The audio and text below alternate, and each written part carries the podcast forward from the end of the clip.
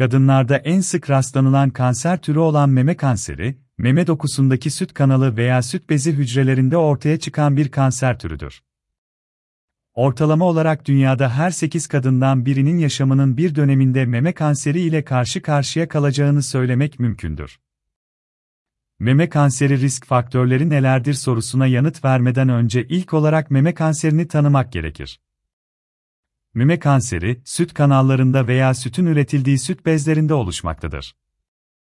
40 yaşından sonra görülme sıklığı artmakla birlikte, bu kanser herhangi bir yaşta da görülebilmektedir. Bu nedenle meme kanserinin belli bir yaş için sınıflandırılması doğru değildir. Ayrıca hastalık yalnızca bir kadın hastalığı olarak ele alınmamalıdır. Çok düşük oranlarda erkeklerde de meme kanseri oluşabilmektedir. Meme kanserinin risk faktörleri incelendiğinde, önlenebilir ve değiştirilemeyen risk faktörleri olarak iki ana grupta ele almak mümkündür. Meme kanseri risk faktörleri nelerdir sorusundaki önlenebilir risk faktörleri bireylerin yaşam standartlarındaki değişiklikler ile önlenebilmektedir.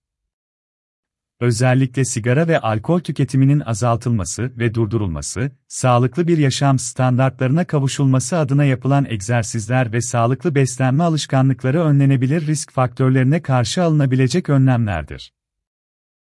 Diğer ana grupta yer alan değiştirilemeyen risk faktörleri ise, cinsiyet ve yaş gibi genetik unsurlardır.